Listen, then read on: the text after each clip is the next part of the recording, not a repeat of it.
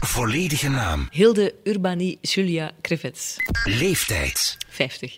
Burgerlijke staat. Gehuwd. Woonplaats. Daaroud. Lievelingseten. Goh, ik ben een alleseter. Ehm Tomaat mozzarella. Kinderen. Twee. Huisdieren. Nee. Beroep. Ik ben Vlaams minister van Onderwijs en vice-minister-president van de Vlaamse regering. Maarten en Dorothee. Dit zijn de tien meest gegoogelde vragen over Hilde Krevits. Dag mevrouw de minister. Hallo. Hallo. Hey, hallo. Alles goed met u? Alles redelijk goed met mij. Ehm, wij zijn hier om de tien meest gegoogelde vragen over Hilde Krevits aan u te stellen. Ehm, googelt u uzelf eh, vaak? Nee. Nooit? Ehm, nooit is een beetje overdreven, ehm, maar eh, zelden. Oké. Zullen we eraan beginnen? Ja. Aan de tien meest gegoogelde vragen. De eerste vraag is, wie is Hilde Krevits? Ze zit voor u. Dat is ook al interessant natuurlijk. Eh, Absoluut. Ja, voilà. Ik ben een eh, vrouw van 50 jaar die geboren is in Torhout en getogen en eh, daar waarschijnlijk ook zal sterven uiteindelijk. Hopelijk zal dat nog vrij lang op zich laten wachten. Ik ben getrouwd, ik heb twee kinderen. Dat is het zo'n beetje. We zitten in uw kantoor hier in Brussel. Ja. Komt u elke dag eh, op en af van Torhout? Meestal wel, maar eh, het hangt er een beetje van af. Als ik eh, s morgens om acht uur een vergadering heb in Brussel en s'avonds uh, is het ook vrij laat geworden, dan blijf ik soms hier. Hm, Van waar die liefde voor Torhout? ja, Ja. ik ben uh, daar geboren, ben daar opgegroeid, ben er naar school gegaan. Ik ben daar nu ook titel voor een burgemeester. En ik hou wel van die stad. Ik ken daar ook bijna iedereen. En het is heel vreemd, maar uh, als je zo, zoveel mensen kent, dat is zo de stad waar ik ook gerust gelaten word. Als ik bijvoorbeeld ga shoppen in Torhout of uh, naar het warenhuis ga, wat niet zo vaak gebeurt, dan laten de mensen mij zo ook gerust daar van, uh, amai, ze, heeft een keer tijd om te gaan winkelen. Uh, en dus ja, we gaan ze daar dat wel. Ja. En dat is anders als ik bijvoorbeeld in Brugge uh, door de straat loop, is dat wel wat. Word je veel meer aangesproken in Torhout. Het is eerder van, uh, hallo Hilde. Als ik ga lopen, bijvoorbeeld op zondagmorgen doe ik dat vaak, gaan joggen. Mm. En dan loop ik echt bewust door de stad. Uh, en ik zie dan ook heel veel mensen, maar dat is dan zwaaien en goeiedag zeggen. En dat is wel plezant. Mm. Blijft er dan nog genoeg tijd over voor uw gezin, als het zo'n druk bestaan is als minister? Is een beetje zoeken. Ik ben minister geworden toen uh, mijn dochter net de overgang maakte van uh, de lagere school naar het middelbaar. En dat was voor haar een grote shock, maar was voor mij ook een hele grote shock. Ja, ik herinner mij nog, uh, u was er opeens. Zo ja. in mijn belevingswereld. Ja, ik dat gebeurt zelfs in het leven, niet? dat iemand ja, er plots is. U was een nieuwe minister en u was daar opeens. En u was opeens ja, BV eigenlijk. Hè? Dat is toch heftig, hè? ineens minister. Maar ook voor mij verrassend, omdat...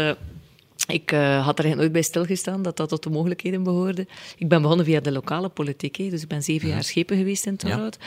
En dan uh, plots uh, ga je dan naar het parlement, 2004 was dat. En dan na twee jaar vertrekt Yves Leterme van Vlaams naar federaal en dan vraagt hij mij eens om iets te eten. Um, en het was een restaurantje in Torhout. Ja? En toen zei hij, ja, wilt je... Ik zie eigenlijk wel iets in u en ik, zou, ik zie u wel als minister. En ik kon dat aanvankelijk niet geloven. Ik dacht, allee, dat is toch niet waar? Maar het bleek wel zo te zijn. En ondertussen uh, ja, heb ik de job toch wel zeer goed leren kennen al. Is dat een atypisch verhaal voor een minister? Ik weet het niet. Uh, in mijn geval uh, vind ik dat, zeker als je aan politiek doet, dat van belang is om de job die je aan het doen bent heel, heel graag te doen. En dan ont ontstaan er plots kansen of niet. Maar ik heb ook al mensen gezien die echt, waarvan het grote doel was, ik wil minister worden, en die dan geen minister worden. Ja. Dus het is best om je... Uh, als je alleen maar uh, vooruitkijkt wat je nog allemaal wil worden, dan heb je ook een risico dat je de job die je doet niet zo graag meer doet. Dus voor mij was het in die zin wel verrassend, omdat ik ook weiger om te veel vooruit te kijken. Wat vindt u dan zo leuk aan de job? Is dat het minister zijn of is dat het departement? Want ja, ik, vond, ik heb dat altijd heel fascinerend gevonden hoe ja, postjes, oh, dat klinkt negatief, maar zo bedoel ik het niet, hoe de, hoe de, de verantwoordelijkheden verdeeld worden. En dat je dan opeens, ja, oké, okay, ik ben nu baas van onderwijs. En dan denk ik, wow, mocht ik nu baas van onderwijs worden opeens? Ja, ik denk dat dat geen goed idee is. Nee, ik denk dat dat geen goed idee is. Uh, mijn moeder zou wel zeker niet akkoord zijn. Die is leerkracht Frans in het hoger onderwijs. Die zou zeggen, daar ga je niet aan beginnen. Nee, maar ik zou denken, wow, ik moet echt drie jaar studeren of zo, eer ik ja. iets begrijp van... Maar ik denk dat... Er is natuurlijk een verschil. Hè. Je hebt de, en als je minister bent, neem je de uiteindelijke politieke verantwoordelijkheid. Mm -hmm. uh, ik vind het ook niet goed dat een minister twintig jaar dezelfde bevoegdheid zou, uh, zou hebben. Ik denk dat het goed is dat je nu en dan eens verander ook van bevoegdheden. Ik denk dat, ook, dat, dat, dat dat ook zeer goed is voor het bevoegdheidsdomein op zich. Dat er eens iemand komt met andere eh, ideeën, die ook een, probeert een... Uh, dank u wel een nieuwe wind te laten waaien in het uh, domein. Dat is goed. Ik voel dat ook op onderwijs, dat dat mij deugd doet, maar ik denk dat dat ook goed is voor het uh, onderwijs. En je moet niet de technische expert zijn in alles. Ja. Ik heb een fantastisch kabinet met supergoeie mensen. En ik heb daarnaast ook hier uh, het hele gebouw. Het zijn allemaal mensen die voor onderwijs werken die heel veel kennis hebben. En jij moet eigenlijk afwerken dan en ja. grote lijnen uitzetten vandaar. Mm -hmm. Of daar willen we naartoe evolueren. Mm. En dat, dat maakt het wel haalbaar. Trouwens, mijn moeder en vader zijn beiden onderwijzers. Mijn vader was schooldirecteur. En mijn vader vond dat ook een heel slecht idee dat ik minister van Onderwijs zou worden. Maar nu, ondertussen, na drie jaar, uh, vindt hij het ook wel fascinerend. Hij herinnert zich waarschijnlijk al die jaren dat hij op de minister van Onderwijs heeft ja, gevloekt. En, ja, ja, en hij was vakbondsvoorzitter. Dus ja. hij kwam dan naar Brussel om allerhande grote eisen te stellen. Hij zei, oei, oei, Hilde, het, zal nooit, het is nooit goed in onderwijs, wat je ook beslist. Ja, ja. Maar uh, ja, het valt wel mee. Zeker als ik in scholen kom en ik zie de dynamiek waarmee die leerkrachten elke dag werken, dat is fantastisch. Mm. En dat vind ik wel, dat geeft mij ook heel veel energie om mijn job wel graag te doen. Maar uw vraag was eigenlijk, want uh, wat vind je zo fascinerend aan de job? En dan heb je je eigen verhaal verteld, dus uh, misschien... Excuses, mevrouw de minister. Nee, nee, nee, nee, maar het minister zijn op zich... Ja? Uh, dat, dat, bestaat eigenlijk niet. Ik bedoel, afhankelijk van je bevoegdheden is dat helemaal anders. Maar wat er voor mij wel iets is waar ik van hou, is uh, het onverwachte dat elke dag uh, in zich draagt. Ja. Um, soms vloek ik er ook op. Hoor. Als er mm -hmm. plots in de krant een krantenkop staat die ik totaal niet had zien aankomen, dan heb ik een hele dag, uh, moet ik dan daarmee bezig zijn. Maar um, er gebeuren zoveel onverwachte dingen, mooie dingen ook, en dat maakt het voor mij bijzonder boeiend. Maar als je niet van uh, afwisseling en verandering houdt in je leven, dan uh, is dat geen goede job. Nee, dus in okay. die zin denk ik dat ja. het voor jou misschien wel geschikter zou zijn dan je denkt.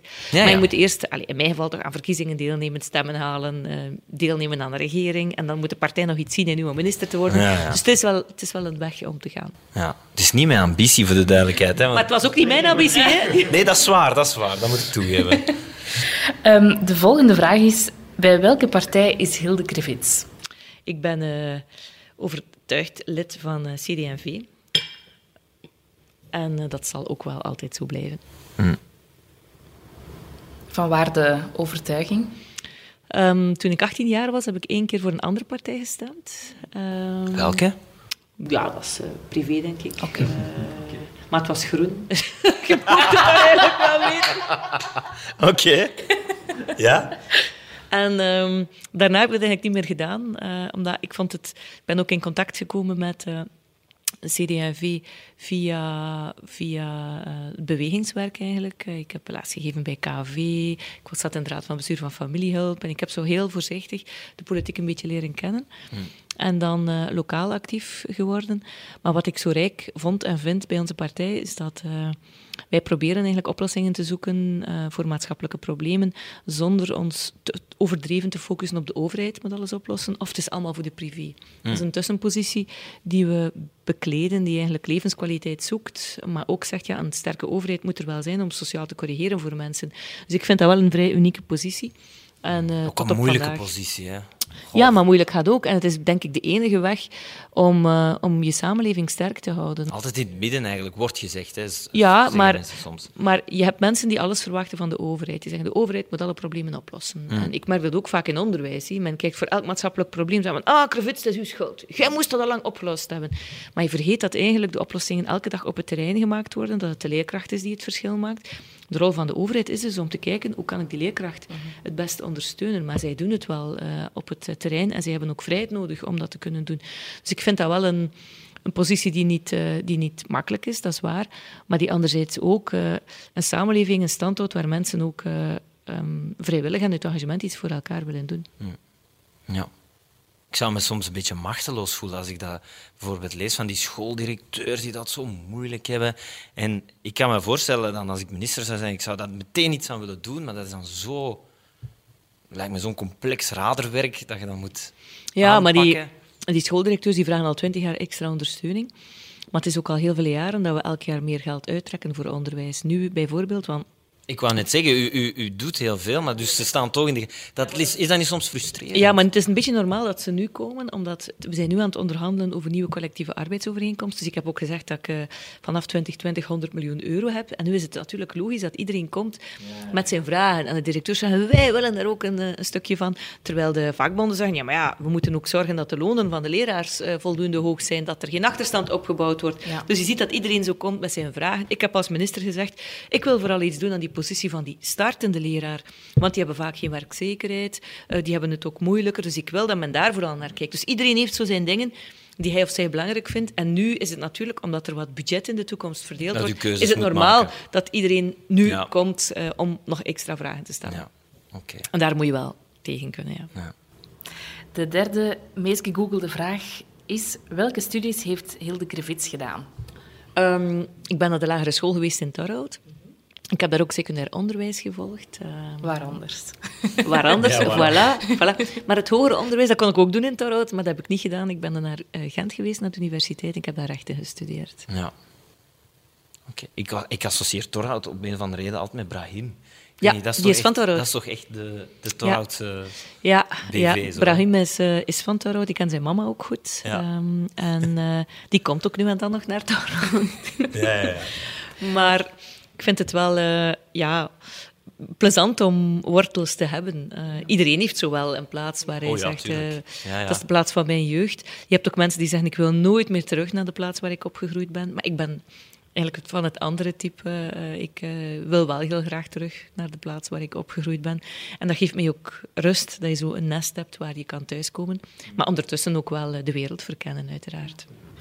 U heeft rechten gestudeerd. Wat was eigenlijk het initiële plan toen u aan die studies begon?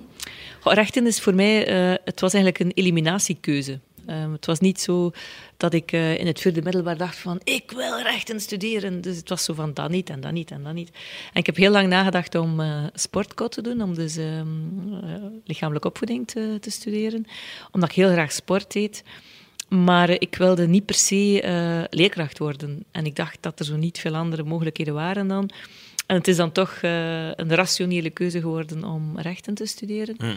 En toen ik de beslissing nam om dat te doen, uh, daarna dus, en ik zei dat aan mijn ouders, van ik wil rechten studeren, toen zei mijn vader, uh, dat was eigenlijk mijn droom, zegt hij, om rechten te studeren, maar hij mocht niet van zijn ouders. Hij was de jongste zoon uit een gezin van vijf.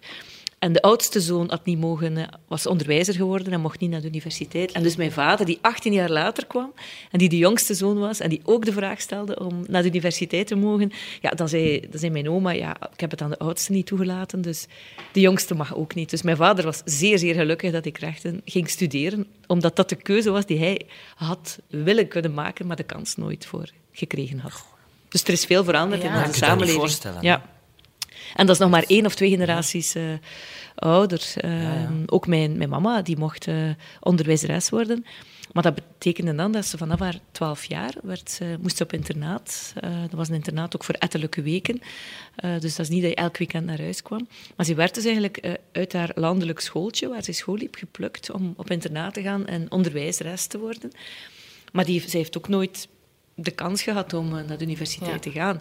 Alhoewel ze dat uh, zeker zou, uh, zou gekund hebben. Dus dat toont aan, ondanks de moeilijkheden in onderwijs, dat er ook ontzettend veel ten Ja, goede veranderd is. Dat is nog niet zo lang geleden, hè? Nee, dat is allemaal niet Nee. lang geleden. Nee. Mijn mama was ook de eerste onderwijzeres die nadat ze bevallen was, mocht blijven werken op school in Torhout.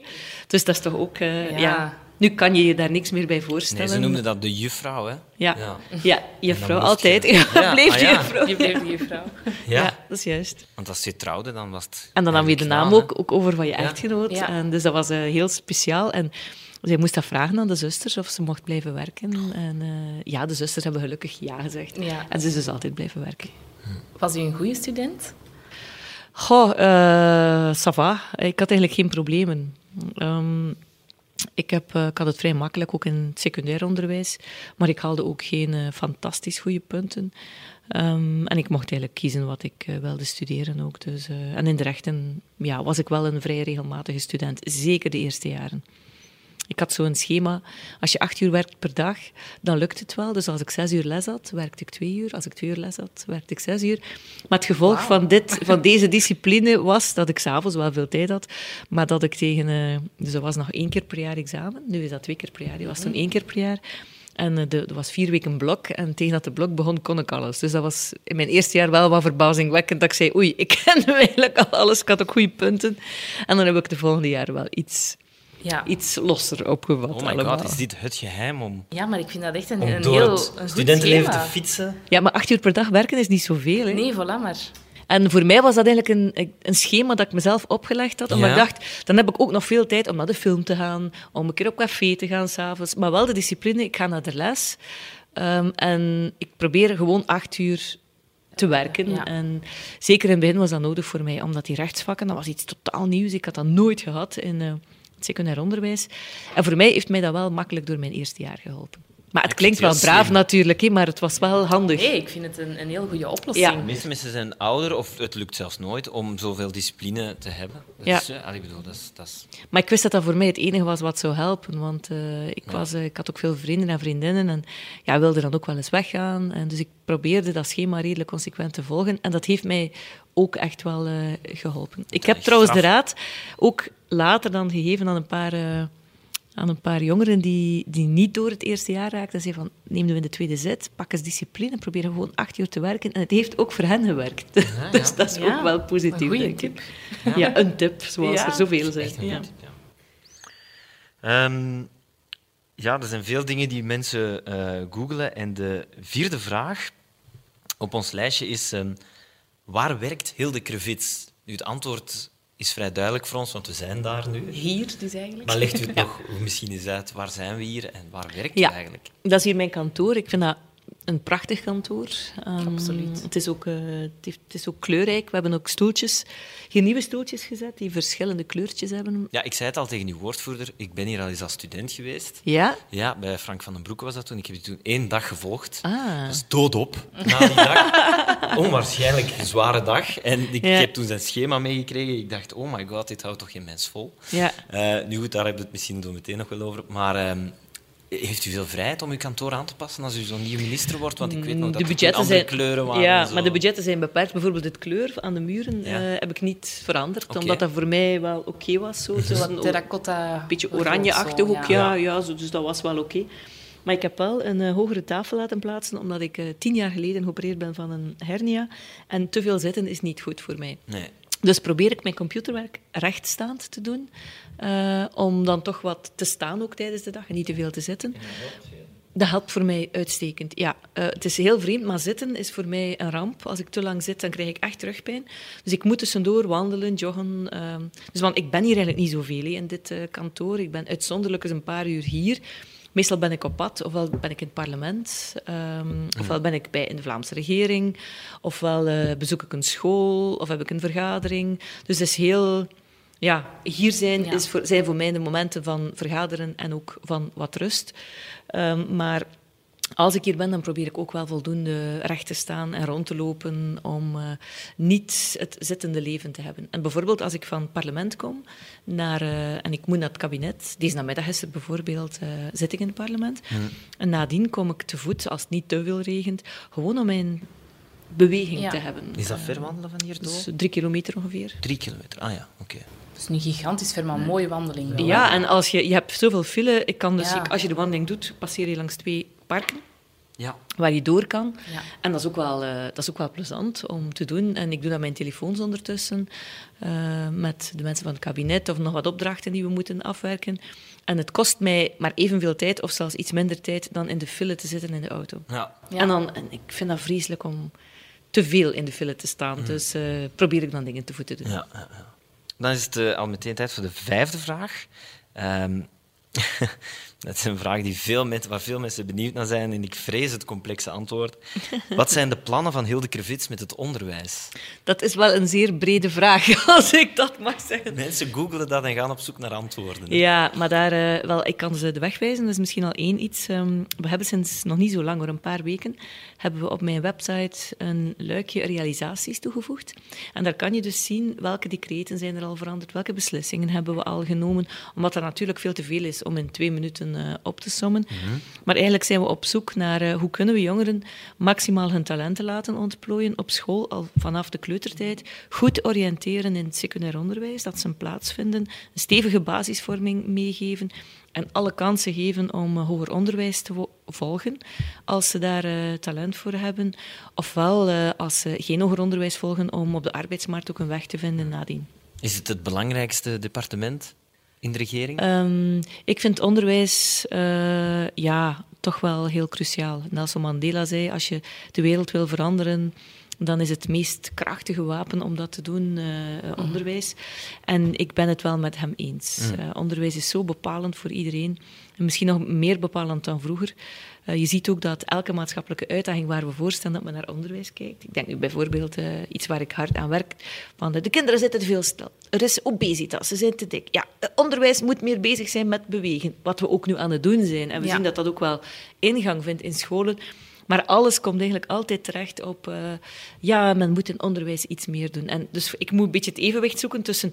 Onderwijs kan absoluut niet alles oplossen. Maar onderwijs maakt wel het verschil voor kinderen en voor jongeren. Uh, kan kansen geven.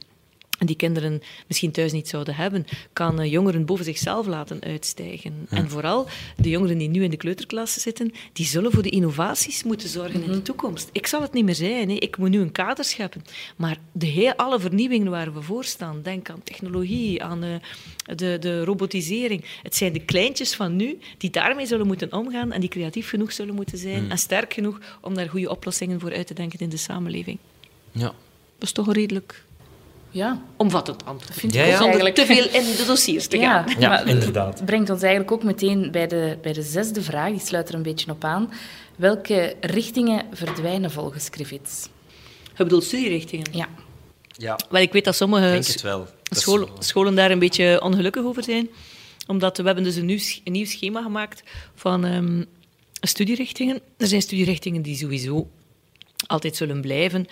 Um, bijvoorbeeld uh, als je wiskunde, wiskundewetenschappen volgt of zo. Dus dat, dat zijn uh, richtingen die goed voorbereiden op hoger onderwijs. Maar er zijn er ook studierichtingen die we in een nieuw jasje willen uh, steken, die nu een bepaalde naam hebben. Um, en die, ik denk, in technisch onderwijs, industriële wetenschappen, zoals dat vandaag heet, wordt technologische wetenschappen. Dus dat is een nieuwe naam. Om, dat, om eigenlijk aan te tonen dat die richting veel meer is dan industrie, mm. maar dat dat een richting is die fantastisch voorbereidt op, uh, mm. op het secundair onderwijs. Dus eigenlijk bijna marketing, echt zo de naam Ja, de inhoud een beetje veranderen. Ja. ja. en ook in beroepsonderwijs zijn er een aantal uh, studierichtingen waarvan we zeiden, ja, uh, eigenlijk... Um, zijn er niet meer aangepast aan deze tijd. Ik geef een voorbeeld richting secretariaat. Um, dat is een iPhone nu, hè? Ja, ja. Maar, ah, ja, je bedoel, kan, hè? maar er, is nood aan, er is heel veel nood aan logistiek in bedrijven. En dat gaat veel breder dan het pure secretariaatswerk. Dus er zijn zo een aantal inhoudelijke veranderingen die we doen. Of studierichtingen die we gewoon samenvoegen. En die we zeggen, kijk, we kunnen beter één brede studierichting ervan maken dan ja. uh, de oude te laten bestaan. Maar alle richtingen kan je terugvinden, ook op mijn website. Die staan op een A3-blad. Dus een jongere kan nu eigenlijk op één pagina, een A3-pagina, zien van wat zijn de interessante interessedomeinen die er zijn, zoals STEM, dat zijn alle richtingen, wetenschap en techniek, talen bijvoorbeeld. En kan dan kiezen van, ik wil eigenlijk heel abstracte studierichtingen volgen, dat zijn de huidige ASO-richtingen, of ik wil een praktische richting, de huidige beroepsrichtingen. En je ziet dus alles op één schema wat bestaat. En dat is denk ik wel heel interessant voor jongeren. Vroeger moest je in 27 verschillende boeken mm -hmm. uh, gaan zoeken wat er allemaal bestond, en nu zie je het allemaal mooi op één pagina. Mm. Het is ook moeilijk. Hè. Ik heb uh, vaak het gevoel, zo, zo ging dat bij ons ook, toen wij moesten kiezen, dat leerlingen ook maar wat doen in die keuze maken. Ja. Ik heb nooit echt heel erg nu de interesse of de aanleg voor economie gehad, maar dat was zo, ja, goh, geen, geen Latijn en denk geen wetenschappen, dus allee, we zullen dan economie doen. Zo, ja. Ja, is daar een, een goede manier voor om, om leerlingen te laten inzien van... Als scholen kunnen zich ook uh, or, uh, organiseren rond Ja. bepaalde interessedomeinen. Want je zegt van ja, ik wil dat niet en dat niet, dus ik doe economie. Maar je had ook bijvoorbeeld kunnen zeggen, ik ben wel wat geïnteresseerd in wetenschappen, maar dat is allemaal veel te abstract voor mij. Ja. Ik zou liever wat meer toepassingsgericht werken. En dan zie je dat er enorm interessante richtingen zijn in technisch onderwijs, dat hopeloos ondergewaardeerd is. Ja. Maar ook richtingen die zeer goed voorbereiden op universiteit. Dus dat is een, een fout beeld dat in ons Dat hoofd zit. wel. Dat technisch onderwijs dat dat zo niet goed is voor het hoger onderwijs. Dat is niet juist. Zijn heel veel jongeren... Gisteren, ik kan nog een voorbeeld geven, was ik, moest ik spreken in Gent aan de universiteit voor de tweede jaar politieke wetenschappen. Ik ben daar gestart om te vragen wie komt uit het ASO en wie komt uit het TSO. En toch was er een klein kwart van de jongeren dat uit het technisch onderwijs kwam. Hm. Dus ze stromen wel door naar de universiteit. Ja. Maar we denken nog altijd dat dat niet zo is. En dat, is, dat moet uit ons hoofd. Ja. Kan u veel tijd maken om bijvoorbeeld met leerkrachten één op één te praten over hun problemen? Of over... Heeft u tijd om met mensen die echt, echt in het werkveld zitten, om daar echt zo mee te praten, om te zien hoe dat dingen die u beslist in de praktijk worden toegepast? Dat gaat vanzelf. Ah, dus ja. ik, ik, ga een voorbeeld geven. Uh, zaterdag, vorige zaterdag moest ik uh, op één avond had ik twee toespraken. Eén toespraak voor de Gezinsbond en één toespraak voor de landelijke gilde. Dus je verwacht niet echt veel over onderwijs. Dus ik ga eerst naar die gezinsbond. En die leerkrachten die komen gewoon naar mij. Die ja, zeggen, ah, ik wil u iets zeggen. Ik sta in het onderwijs. ja. En uh, bla, bla, bla, bla, bla. En dan komt er een Hans verhaal. Vervolgens ga ik dus naar de landelijke gilde. En ook daar kom ik aan de tafel jongeren en uh, zegt er iemand... Ja, ik ben kleuterleidster en ik ben zwanger en ik mag niet meer werken. En ik vind het echt wel niet oké. Okay. Ik zou eigenlijk naar mijn kleutertjes willen. Dus het, overal waar ik kom... Ja komen de leerkrachten naar mij. En, en heeft u dan soms ik van... moet tijd maken. Dus of ik nu wil of niet, uh, ik, ja. ik moet tijd maken. En ik pik daar ook wel dingen uit. Ik wou juist zeggen, komt u dan soms hier terug en denkt u, ja, ja. ik ga er iets aan doen Ja, nu. zeker. Ja? Zeker, absoluut. Okay. absoluut ja. Bijvoorbeeld, er was gisteren, er is nu een nieuwe manier van hoe we kinderen ondersteunen in het, uh, in het kinderen met zorgnoden, ondersteunen ja. in het onderwijs. En gisteren had ik dan een meneer die naar mij kwam uh, en die zei, ja, mijn echtgenote, die werkte bij het gemeenschapsonderwijs, die is nu verhuisd naar het katholiek onderwijs, maar die dreigt haar vaste benoeming te verliezen daardoor. Ja, ik vind dat niet oké, okay, dus we moeten dat oplossen. Ja. Dus je, je hoort heel veel op het terrein dat je dan zegt van oei, daar moeten we wel, uh, wel ja, aan ja. werken. Of als mama komt en zegt van ja, mijn kindje um, uh, heeft een probleem. Op school, dan hebben we altijd, als we kunnen, bellen we dan eens naar de school om te kijken van uh, is het een zwaar probleem of, of kunnen we iets doen. Maar veel zaken voor veel zaken is een goed gesprek ook al voldoende, maar er zijn ook andere dingen die je in de regelgeving moet wijzigen. Okay. Voorbeeld is bijvoorbeeld het uh, ingangsexamen geneeskunde. Dat was uh, toen ik net minister werd, um, was dat de meest gehoorde klacht bij mensen van dat is zo'n extreem moeilijk examen, je moet daar iets aan doen. En we hebben dat gedaan. We hebben een evaluatie gevraagd en het examen zal nu voor de eerste keer op een andere manier gebeuren. En dat komt eigenlijk door de contacten ja. met uh, ouders en met jongeren die het examen uh, gedaan hebben. Oké. Okay. Op maar de... je kan natuurlijk niet met iedereen in Vlaanderen spreken. Nee. Dat is een beetje veel. Op de zevende meest gegoogelde vraag um, heeft u eigenlijk al antwoord gegeven. Waar woont Hilde Krevits? Ja. Torhout dus, hè? Ja, maar dat was ook uw eerste vraag. Um, Dacht hoor, even. Wie is Hilde Krevits? Ja, ja. En daar ah. zijn we heel snel tot Torhout um, Ik vraag me wel gekomen. af...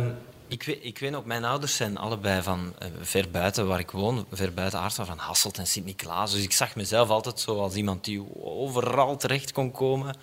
En op een bepaald moment dacht ik, ja, nee, ik ga toch blijven.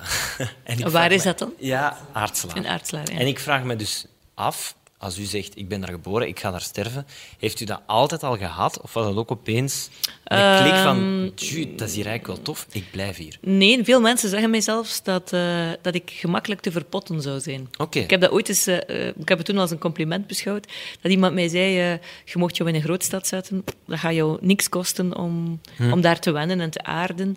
ik denk dat dat wel juist is. dat dat voor mij niet zo... Ik hou ook enorm van Brussel bijvoorbeeld. ik vind het belangrijk om hier alle straatjes te proberen kennen en, en de sfeer op te snuiven. En ik heb dat overal. Onze dochter studeert nu in Lissabon met Erasmus voor zes maanden.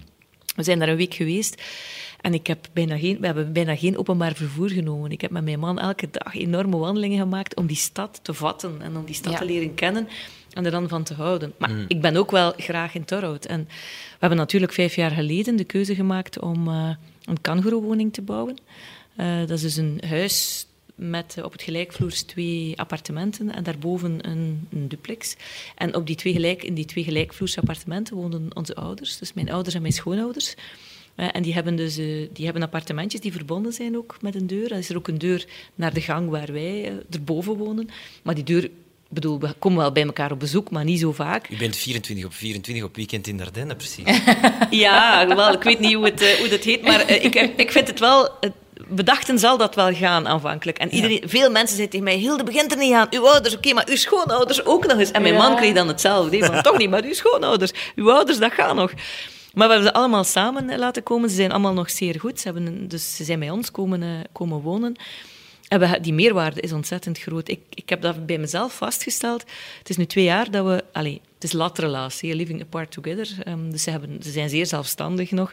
Ze komen ontzettend goed overeen met elkaar. Dus die doen ook veel dingen samen, maar ze gaan ook apart op reis en zo.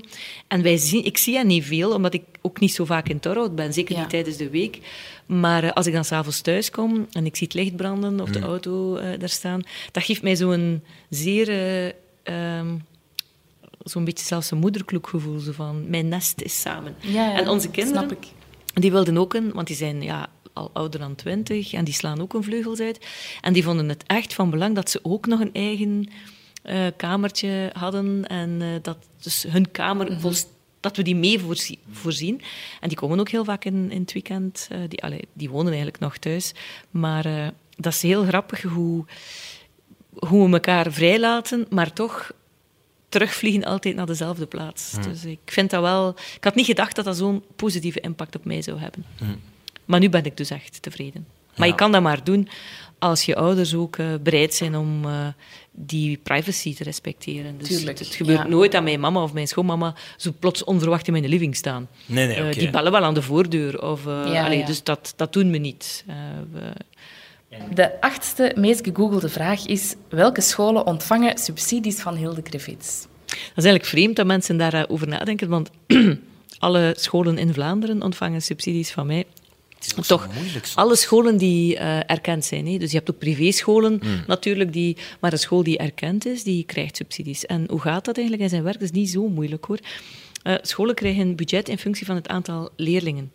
Dus als je meer leerlingen hebt, krijg je ook meer uh, euro's om leerkrachten aan te werven krijg je meer werkingsmiddelen. Mm. En dan scholen die meer kwetsbare kindjes hebben, dat is bijvoorbeeld kinderen die een studiebeurs krijgen, kinderen van wie de mama uh, geen diploma heeft, uh, kinderen die in bepaalde buurten uh, wonen, of kinderen die thuis geen Nederlands spreken. Dus die scholen met meer zo'n kinderen krijgen nog meer extra middelen. Mm. En dan krijgen scholen ook subsidies om te bouwen. Dus als ze een ja. nieuwe school willen bouwen of verbouwen. Um, dat hangt ervan af waar ze staan op de lijst en op welke manier. We, dus we, hebben daar, we hebben nog heel veel miljoenen euro's extra nodig om te bouwen. Maar anderzijds zijn we nu ook wel een grote inhaaloperatie aan het doen, omdat er zijn nog nooit zoveel scholen gebouwd als nu. Hmm. Dus, maar dat is eigenlijk een vrij makkelijk antwoord. Okay. Dan, dan zijn we bij de voorlaatste vraag gekomen. Uh, wie werkt voor de communicatie van Hilde Griffiths? Bert. Oh, grappige ja? vraag, hè? Dat is een grappige vraag. Ja, ja maar dat is misschien omdat ik veel communiceer, dat men denkt, wie is dat? dat zou kunnen, ja. Uh, ik heb eigenlijk al heel veel jaren dezelfde woordvoerster, dat is Katrien. En uh, zij leidt hier een, een, team van mensen. Dus Bert werkt ook al heel veel jaren bij mij. Um, en dan is er uh, nu recent zijn er twee mensen bijgekomen, Arne en Joris. Uh, die, omdat er ook een paar mensen vertrokken zijn, iemand die met pensioen gegaan is. Mm. Ik heb er nog, uh, en dan heb ik nog Wouter en Lieselot, maar die werken niet voltijds, die speechen maken, spe speechen schrijven voor mij. Maar dat is echt wel uh, een helse job. Ik heb soms weekends uh, van vier, vijf, zes uh, toespraken. gisteren was dat dan ook. Een, ik moest een um, gastcollege geven aan de universiteit. Er is wel wat werken om dat voor te bereiden met ja. een PowerPoint. Dan daarna nog een toespraak op een, op een evenement. vanavond heb ik ook weer nog twee uiteenzettingen te gaan. Ik heb parlement ook, want ook in het parlement wordt straks een decreet goedgekeurd dat onder andere het toelatingsexamen regelt, uh, arts standaard. Mm -hmm. Dus ik moet klaar zijn met de communicatie ook daarover. Uh, het zou kunnen dat ik actuele vragen krijg. Er zijn de persvragen. Dus dat is echt ongelooflijk, uh, ongelooflijk druk. En ik dacht, na, toen ik van openbare werken en mobiliteit naar onderwijs kwam, want toen had ik ik was de meest bevraagde minister, denk ik, daar. Ik dacht dat dat helemaal zou veranderen binnen onderwijs. Maar dat is niet zo. Dat blijft even hectisch. Ja, u kiest de departementen er wel uit. Ik kies er wel uit. Ja, het is ook een departement waar iedereen in Vlaanderen een mening over heeft. En dat was ook zo bij openbaar werken en Ja, mobiliteit. absoluut. Dus alles wat in de krant komt, krijg je onmiddellijk heel veel reacties van mensen. En alle mails moeten ook beantwoord worden. Dus dat is ook een pak werk om dat Ja. allemaal te doen. En tussen die hectische job door of dagen door maakt u nog tijd voor ons. Dat is heel fijn. Ja, maar jullie zijn ook de, de pers, hè? Ja, ja, ja dat is waar. wel, maar ja. het is wel fijn dat u even langere tijd wilde maken voor ons. Dan zijn we bij de laatste vraag. Hoe contacteer ik Hilde Grevits?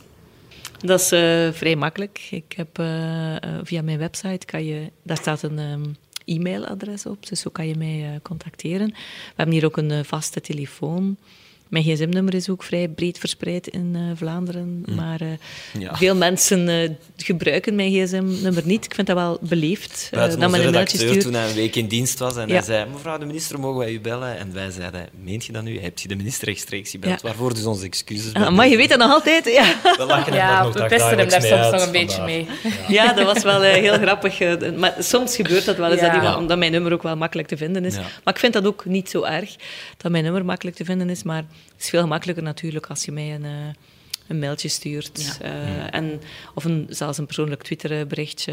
eh, allee, we hebben alle mogelijke socia- sociale media-kanalen staan open.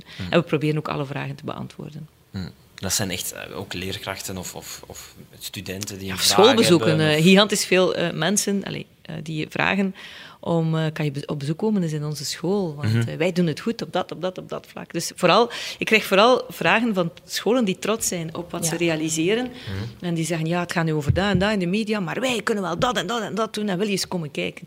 En ja, ik kan niet alle scholen bezoeken, alhoewel het mijn ambitie was bij het begin van de legislatuur. Zei ik van, ik wil op vijf jaar tijd alle scholen in Vlaanderen Ja. bezocht hebben. Maar het zijn er te veel. het zal niet lukken om ons allemaal te bezoeken. Waar wilt u nog naartoe? Zou u dit graag blijven doen? Of, of zou u wel eens nog eens iets anders willen ontdekken? Goh. Binnen de politiek of daarbuiten misschien? Ja, dat is een goede vraag. Binnen de politiek of daarbuiten, dat weet ik op dit ogenblik niet. eh. Ik Ah, probeer nee. mijn job elke dag graag te doen. Maar eh, straks zijn er gemeenteraadsverkiezingen, dan daarna Vlaamse verkiezingen. En dan hangt er veel af van, van wat is het verkiezingsresultaat? Zal je partij terug deelnemen aan de regering? Word je dan al of niet eh, terug minister? Eh, hoe zal dat dan zijn? Bevoegdheden worden pas daarna beslist. Dus ik ben de politiek zeker nog niet beu. Maar je weet nooit hoe het leven eh, loopt. En ik heb ook al geleerd dat je het leven moet aanvaarden in Ja. al zijn facetten. En bij goed of slecht nieuws moet proberen er het beste van te maken. Hm. Heeft u nooit dat u voorbij dat stadhuis van Torhout rijdt en dat u denkt, verdorie, ik ben hier eigenlijk burgemeester. Ja. Ik zou ook graag burgemeester zijn hier. Dat zou ik ook wel goed doen. Ja, maar ik vind burgemeester zijn een van de mooiste politieke jobs die bestaan. Zo niet de mooiste omdat je heel nauw in contact staat met eh, je inwoners. Eh, zeker in mijn geval, ja, als je bijna iedereen kent, is dat wel eh, bijzonder. Ehm, maar ja, de politiek heeft mij geroepen om een ander mandaat uit Ja. te oefenen. En ik doe dat ook wel ontzettend graag. Het is ook een heel, een heel grote verantwoordelijkheid. Ik ben elke dag blij dat ik die verantwoordelijkheid gekregen heb. Dat men vertrouwen in mij heeft om dat eh, te doen.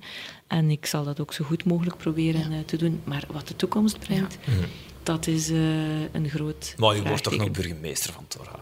Dat zullen we... Maar ik ben op dit ogenblik Ja. burgemeester, het, maar maar ik kan het niet echt. Ja. En ik zie dat mijn eh, dienstdoende burgemeester is een jonge man Ja. die nauwelijks de dertig gepasseerd is. En ik vind dat hij dat fantastisch doet. Dus dat... Ja, ik heb hem ook gekozen en, en dat doet mij vrij veel plezier dat hij dat zo eh, ja, met hart en ziel doet. Kijk goed.